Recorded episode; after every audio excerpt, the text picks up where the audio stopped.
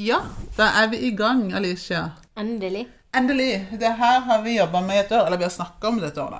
Ja, Men vi er på latinsk tid, så det tar jo litt tid. Det tar litt tid. Vi følger jo ikke alltid klokka. Nei. Nei. Eh, men det er mm, 1. mars. Ja, og det er jo endometriosemåneden. Ja, eh, og det tror jeg det ikke er så mange som vet, så det er jo en liten fun fact. Ja, men det visste jo ikke jeg heller før du sa det. Nei. Eh, det her blir jo en, en episode hvor det blir eh, mye, litt, litt sånn faktasnakk. For det er, jo litt, det er jo viktig når man skal faktisk snakke om kvinnesykdommer. Ja, og det blir jo snakka altfor lite om kvinnesykdommer. Det er skremmende hvor lite vi vet i 2021. Ja, eh, og det bør det, sånn bør det virkelig ikke være. For det at vi skal snakke om endometriose, eh, en sykdom som én av ti kvinner har. Jeg har jo, som sagt, hatt fire operasjoner. Jeg har hatt en i 2017, en i 2019, og så har jeg hatt to stykker i 2020. Ja, det er jo veldig voldsomt, da. Ja. Men vi kan jo begynne, for jeg har veldig lyst til å Um, Jeg har veldig lyst til å gå inn på hvor voldsom den sykdommen her er. Ja. Og hva operasjonene, hva operasjonene kan måtte gjennomgå Ja. når de får en sann diagnose. Ja. Men så har jeg fått den æren av å begynne det showet her med å forklare hva endometriose er. Det har du. Jeg har øvd og øvd. Du har øvd, øvd, for det her er ikke en lett sykdom å forklare. Nei, det er både det, og så har jeg sunnmørsdialekt, og da er det søren ikke enkelt å si ordet engang. Nei, det er ikke det. Så, men som sagt, du har øvd, så vær så god.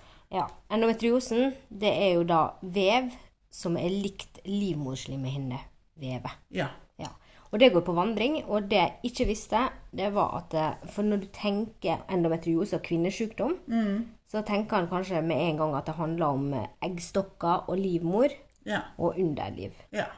Og så viser det seg at endometriose er jo så mye mer. Det er veldig mye mer. Eh, endometriose er jo en sykdom som mm, de har funnet på kvinner på hele kroppen utenom i milten.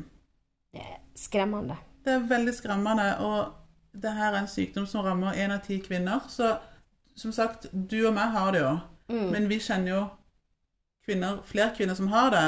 Og vi kjenner jo, og det er og jo også kvinner som kanskje har det, som ikke snakker om det. Ja, Og kanskje det er kvinner som har det uten å vite om det engang. Ja, for dette er jo en sykdom som det tar i gjennomsnitt syv år å finne ut av. Det er syv år for lenge. Det er altfor lenge. Og vi har jo vært såpass uheldige at endometriosen det er syklusbasert. Det er syklusbasert. og i tillegg til mensen så er jo det en del kvinner sånn som oss som må slite med ekstra smerter og ekstra plager. Ja, og det, jeg tror det kan være en av grunnene til at det er store problemer å finne ut av det. fordi at når det er syklusbasert, og det ene eh, symptomet er sterke menssmerter, Ja, da kan det bli vanskelig å forklare det til en lege. Og spesielt hvis du får en mannlig lege. ja. Ja. Altså, som sagt, kvinnesykdommer blir det ikke forska på. Det blir forska litt, men ikke nok. Mm. Og når man da kommer som ung eller opp i årene til en lege og forklarer at jeg har veldig sterke menstruasjonssmerter, Mm. så er det jo veldig lett å få det svaret at ja, men det er bare mensensmerter, ta en Paracet, så går det bra.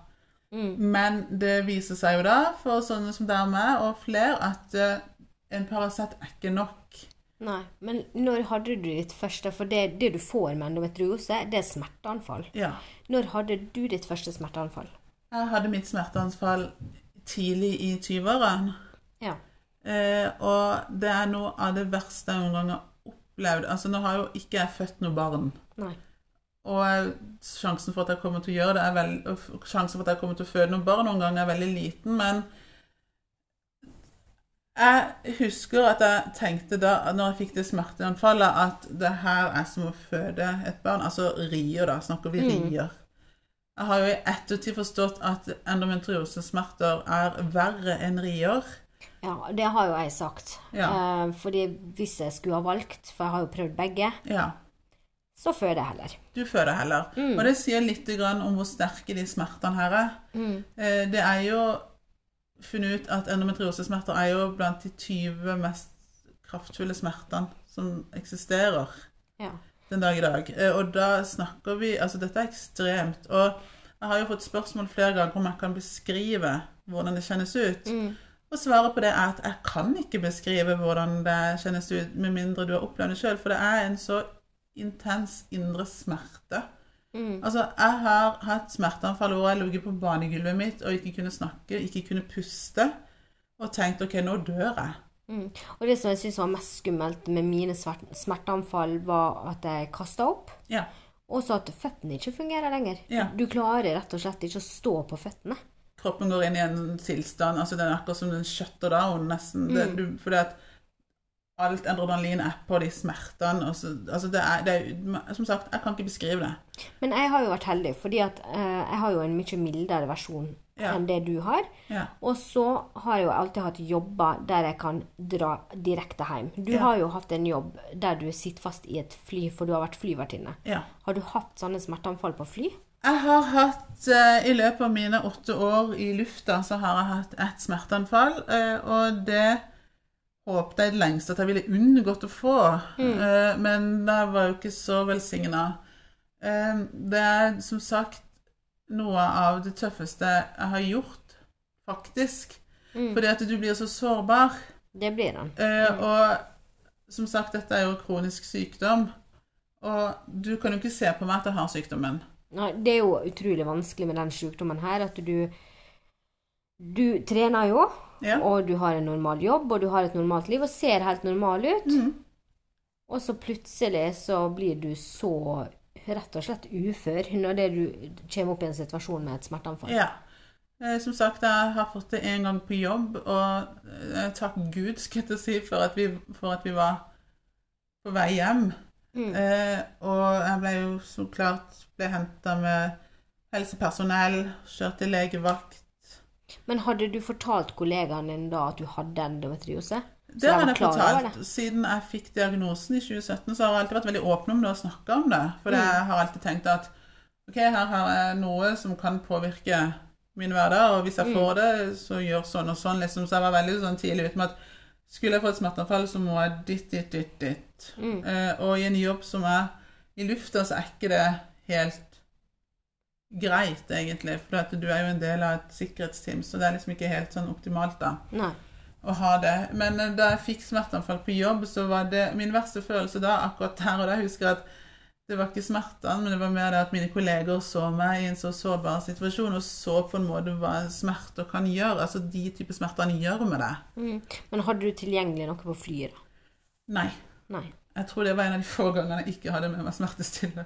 Ja. Men der og da så tror jeg heller ikke de smertestillerne ville funka, fordi at når du tar de smertestillerne, altså, så, så, så tar det litt tid, for det funker, ikke sant? Og når Mm. du får sånn smerteanfall, så klarer du ikke å gjøre noe. Nei. Så du blir jo satt ganske ut av spill.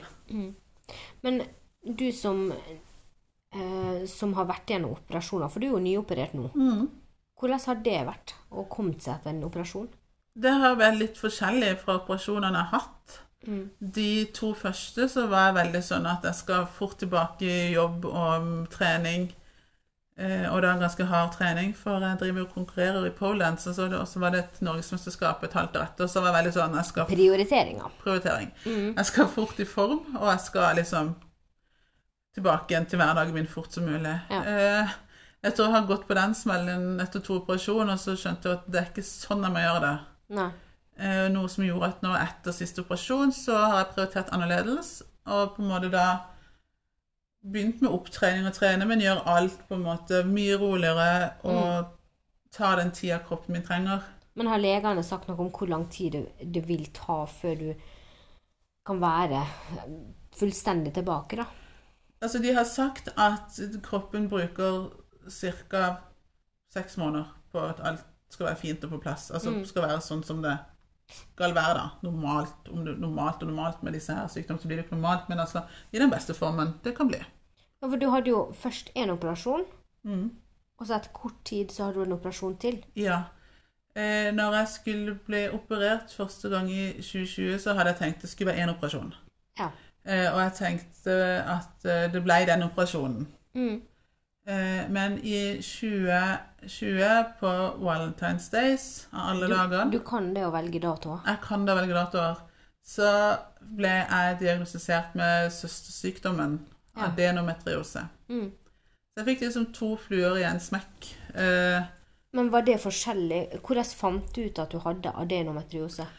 etter min eh, andre operasjon så fikk jeg smerter veldig tidlig, men det var en annen type smerte. Det var en smerte som satt mer på sida av kroppen enn på en måte midt i, i på en måte nede i underlivet, nedre Mm. mageregion.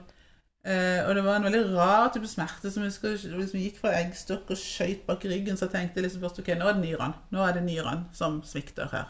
Ja, men eh, det som var Du har jo alltid kalt det her den onde tvillingen. ja, eller, eller den onde stesøstera, rett og slett, til det. Og det er jo fordi at det, er jo veldig masse likheter Ja. med endo og adeno. Ja. Men forskjellen er jo at det er livmorslimhinna som vokser inn i livmora. Ja. Ja, inn i veggen. Og det jeg har lært da, er at operasjonen er mye vanskeligere.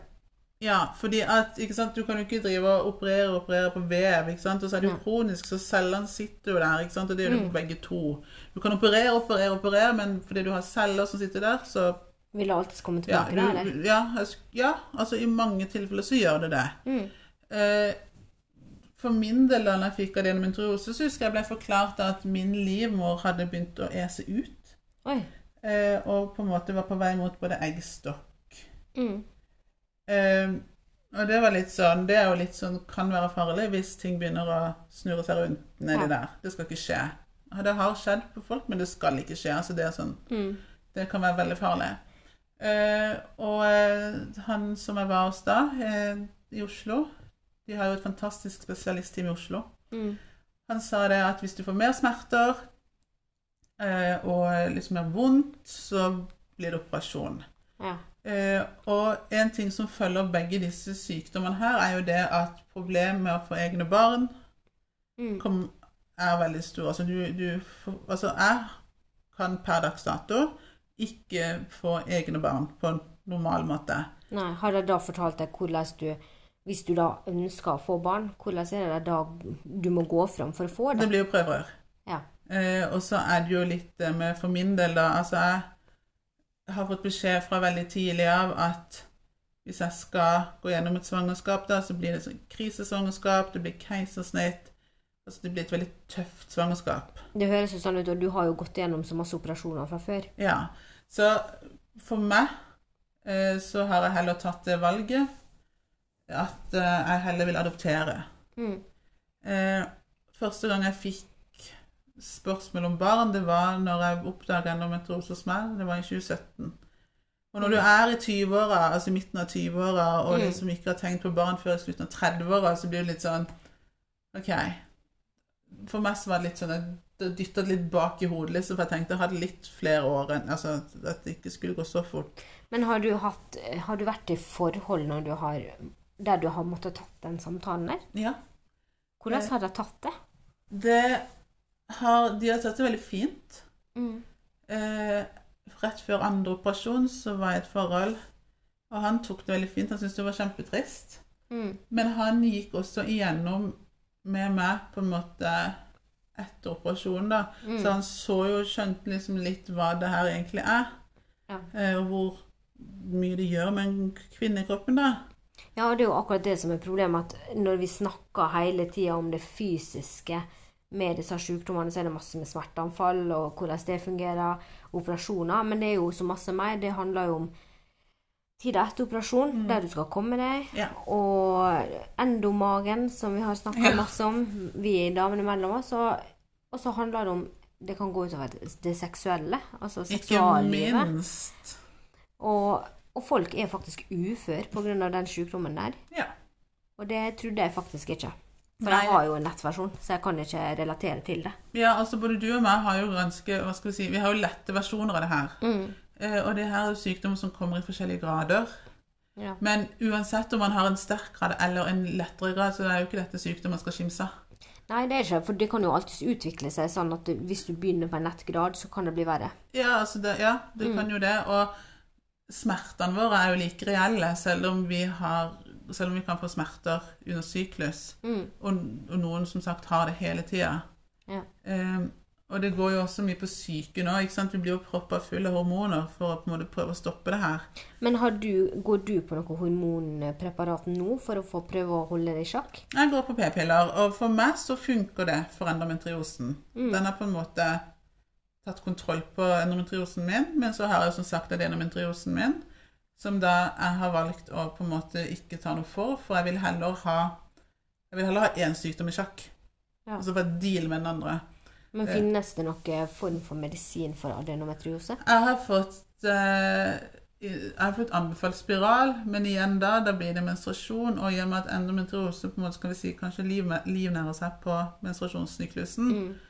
Så vil jo den blåse opp igjen. ikke sant? Og jeg har heller ikke lyst til å gå på begge deler og bli proppa full av det, for du gudene vet hvordan man blir da. Mm. Vi vet jo aldri hvordan damer blir når man har mensen, og du i tillegg blir proppa full av hormoner. Så kan det jo se ganske vilt ut. Ja, og det er det jeg syns er ille at du må Dette her kommer jo med når du får mensen. Ja. Det er da det blir aktivert. Du kan ha det i kroppen, men det blir aktivert da. Og det er det jeg syns er ille, at det eneste vi vet til nå, er at du kan proppe deg full i hormon, i stedet for at det er en reell kompetanse på det her. Ja, det her er jo sykdommer som altså Man vet jo ikke hvordan man får det. Man vet jo ikke helt hvordan det oppstår. Du vet Nei. jo ikke helt hvordan Altså hva det kommer av. Og så er det liksom man tenker seg da at de har tenkt seg da at liksom det er hormoner. Stopp menstruasjonen. Stopp den. Ehm, og så er det litt som Jeg tenker jo litt sånn Hvor bra er det i lengden? Altså Det blir jo en miks av hormoner og smertestiller Ja. for mange. Mm. Jeg har jo vært der, du har jo også vært der. ikke sant? Ja, ja. Og du, både hormoner og du propper i deg med masse smertestiller, og det er jo ikke det beste i lengden heller. Nei, du kan jo ikke gå på smertestillende over en lengre periode. Det går utover andre organer. Ja. Eh, Så det er litt sånn pest eller koleraopplegg, Mm. føler jeg. Eh, Men jeg har jo nå gjort skal vi kalle det et valg, ikke et valg, da, men etter siste operasjon, da, så har jeg Som var ganske heftig, en veldig stor operasjon. En stor adeno-operasjon hvor man både gikk inn med to kirurger, en på gastro og en på endo. Eh, Så har jeg på en måte tenkt at denne gangen så skal kroppen få lov til å ta den tida den trenger.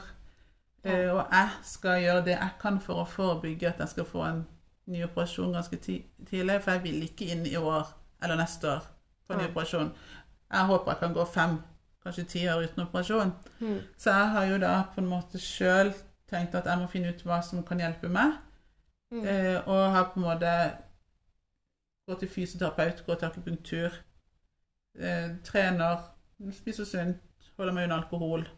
Ja, for det er jo en ting som, eh, som jeg har fått anbefalt, Mm. og det er jo det verste jeg kan tenke meg, det er jo at hele min diett går jo ut. Ja, Mm. alt av Alt, sukker er, alt av sukker, det er det jeg livnærer meg på. Og Ja. så er det også eh, Du snakker om alkohol, er Ja. jo ikke anbefalt, og ikke koffein. Nei. Nei. Så det, men jeg syns det er ille at vi som kvinner skal måtte gå gjennom en prosess der du sjøl finner ut og plukker ut ting, i stedet for at du får helsefaglige råd som veit at det her kan hjelpe deg. Ja, for det disse sykdommene er veldig individuelle på, for, for kvinner. Mm. Altså Det som funker for meg, funker nødvendigvis ikke for deg. Eh, så det blir litt sånn Når jeg får spørsmål av liksom hva gjør du? Så pleier jeg alltid å si at jeg gjør sånn og sånn og sånn, men det funker for meg. Mm. Eh, du kan prøve det, men jeg kan ikke garantere at det funker for deg. Men har du alltid følt at du har blitt tatt seriøst? Jeg har vært veldig heldig på det planet der. For at eh, fra første stund så har jeg blitt tatt seriøst. Mm. Og jeg har fått god oppfølging. Ja. Det er ikke sånn for alle. Eh, Jeg hører daglig om kvinner som må ta en lang kamp mot helsevesenet for å bli trodd, for å bli tatt seriøst. Og den frustrasjonen som de bærer på da, det må være helt forferdelig. Og Det er derfor jeg syns det er så ille at i 2021 at det ikke er mer forskning på dette. Det bør ha vært inn i studier hos leger og sykepleiere for lengst. Mm. Egentlig all kvinnesykdom bør stått i pensum. Ja, og det passer, jo, det passer jo veldig bra at vi tar opp det her i mars, for det er jo 8. mars også. Ja. Og det er jo det en av hovedparodene, Ja. at vi må ha mer studie på kvinnesykdommer. ja, for jeg syns det er feil å tenke at kvinner skal på en måte bli framstilt nesten som sånn annengangsborgere. Mm. Og så har vi i tillegg en statsminister som står og sier at vi må føde flere barn.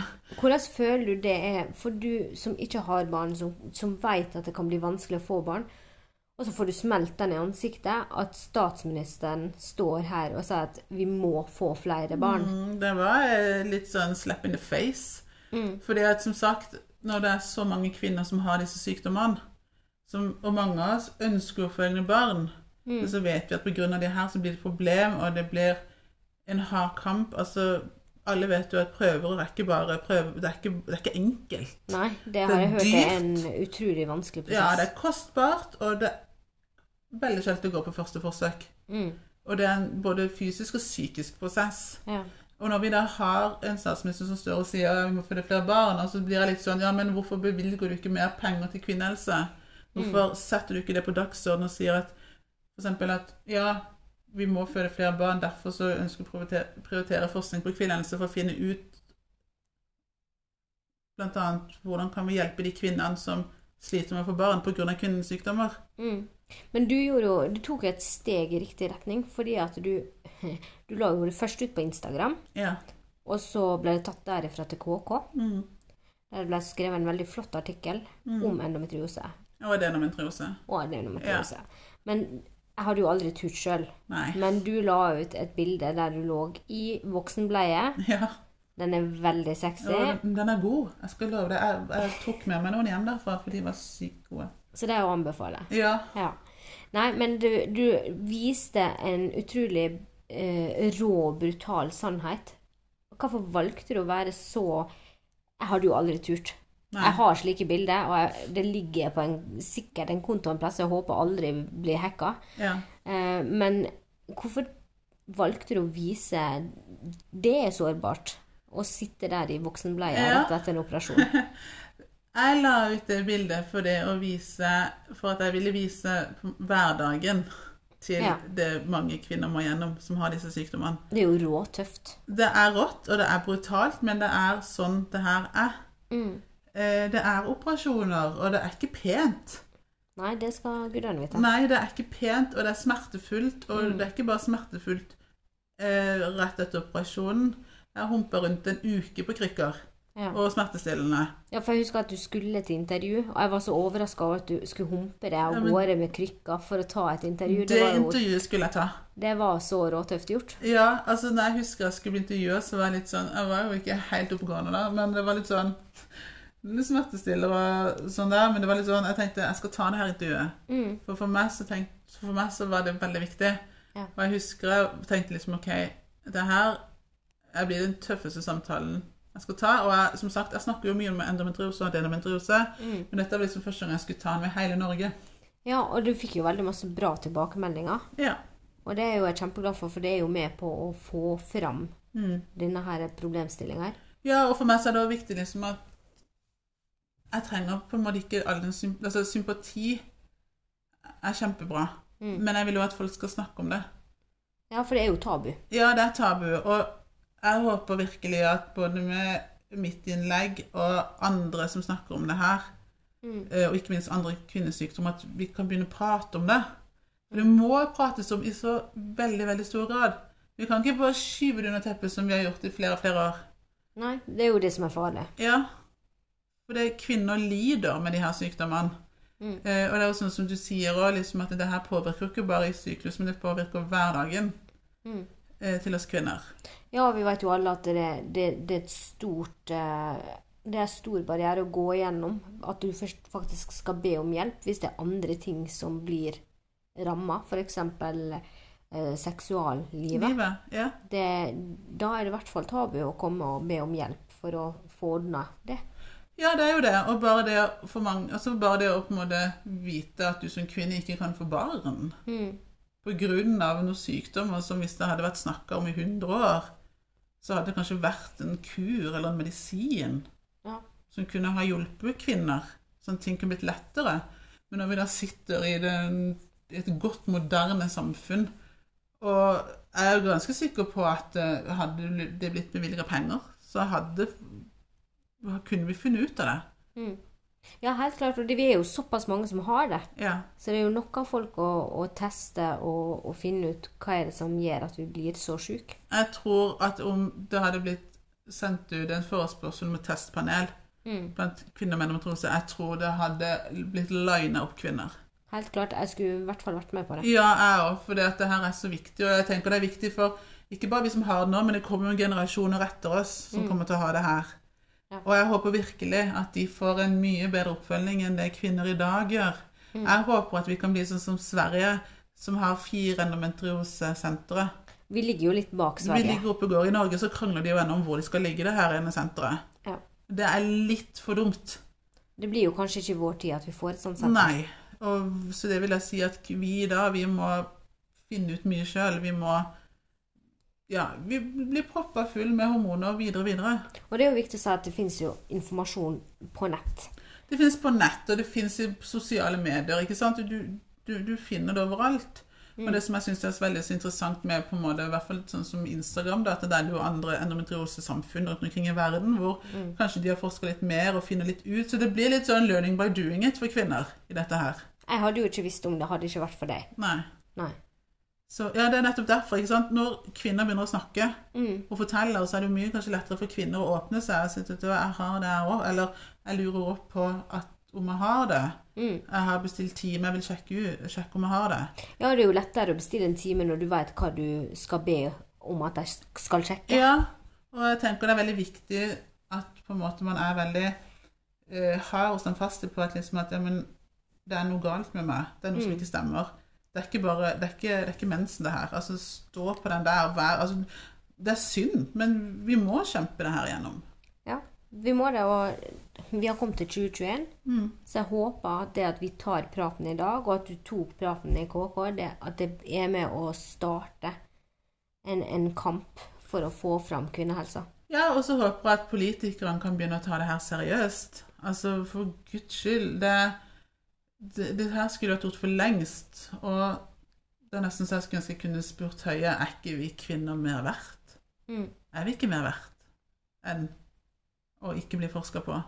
Som sagt, ikke bare mot endometriose og endometriose, men alle kvinnesykdommer. Mm. Hva er det som stopper det?